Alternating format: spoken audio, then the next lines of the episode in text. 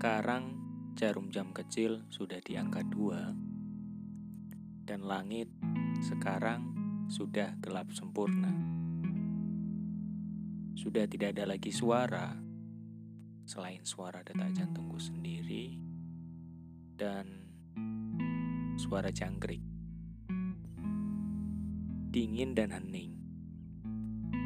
Aku bisa merasakan udara masuk lewat jendela lalu menyentuh kaki-kakiku. Aku memejamkan mata. Lebih tepatnya, aku mencoba memejamkan mataku. Mata yang sudah 20 jam bekerja dan sudah mulai lelah.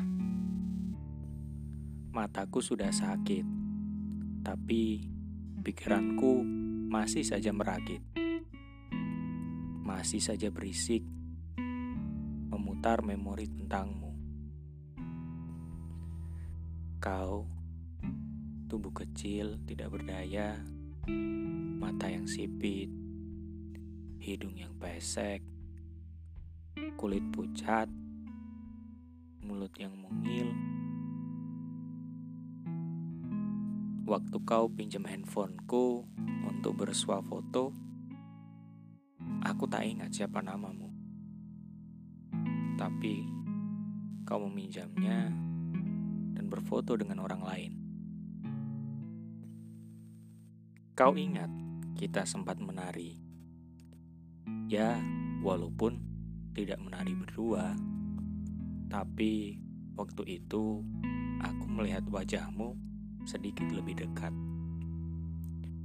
Ada sesuatu yang selalu mengusikku, yang membuat mataku selalu ingin melihatmu. Tapi aku tak tahu itu apa. Aku suka berjalan di belakangmu. Bukan apa-apa. Dengan berjalan di belakangmu, aku bisa melihatmu. Melihat senyummu. Ya, ya. Aku ingat.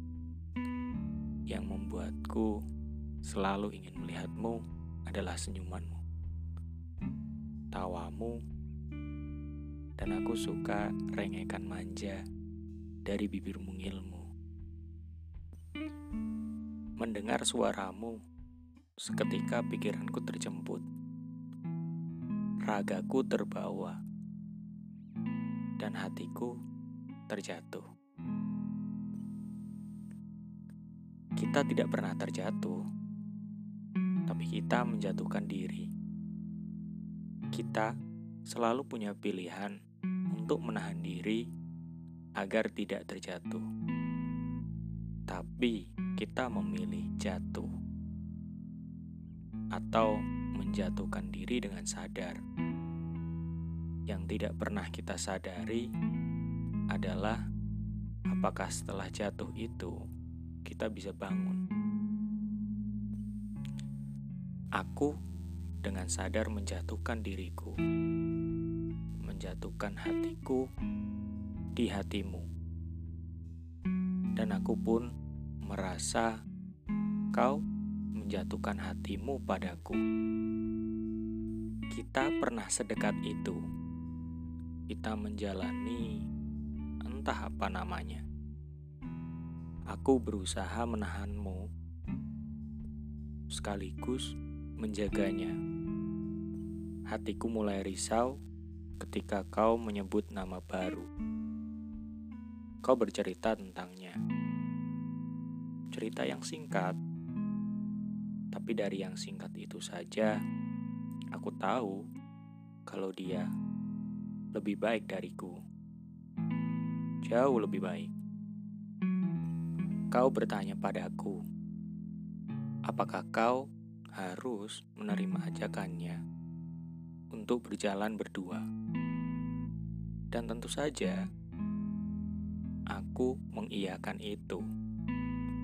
Kau harus mau menerima ajakannya. Karena dia jauh, jauh lebih baik dariku. Setelah kau berjalan bersamanya, kini tanganku tak menggenggam tangan siapa pun. Andai saja waktu itu aku menahanmu sedikit lebih lama, atau seandainya dulu aku tak membolehkanmu menerima ajakannya, atau seandainya kau datang saat aku tak bersama siapa pun, atau seandainya aku mau melepaskan tangannya untuk menggenggam tanganmu atau tapi aku tahu sekarang kau bahagia. Seandainya kau denganku, mungkin hanya ada nestapa. Apa pun semua sudah terjadi. Apa pun semua sudah terlewati. Kau adalah sebuah penyesalan yang akan selalu aku syukuri. Kau tahu sajak-sajak Pak Sapardi, aku selalu pinjam sajaknya untuk dirimu. Aku mencintaimu. Itu sebabnya aku takkan pernah selesai mendoakan keselamatanmu.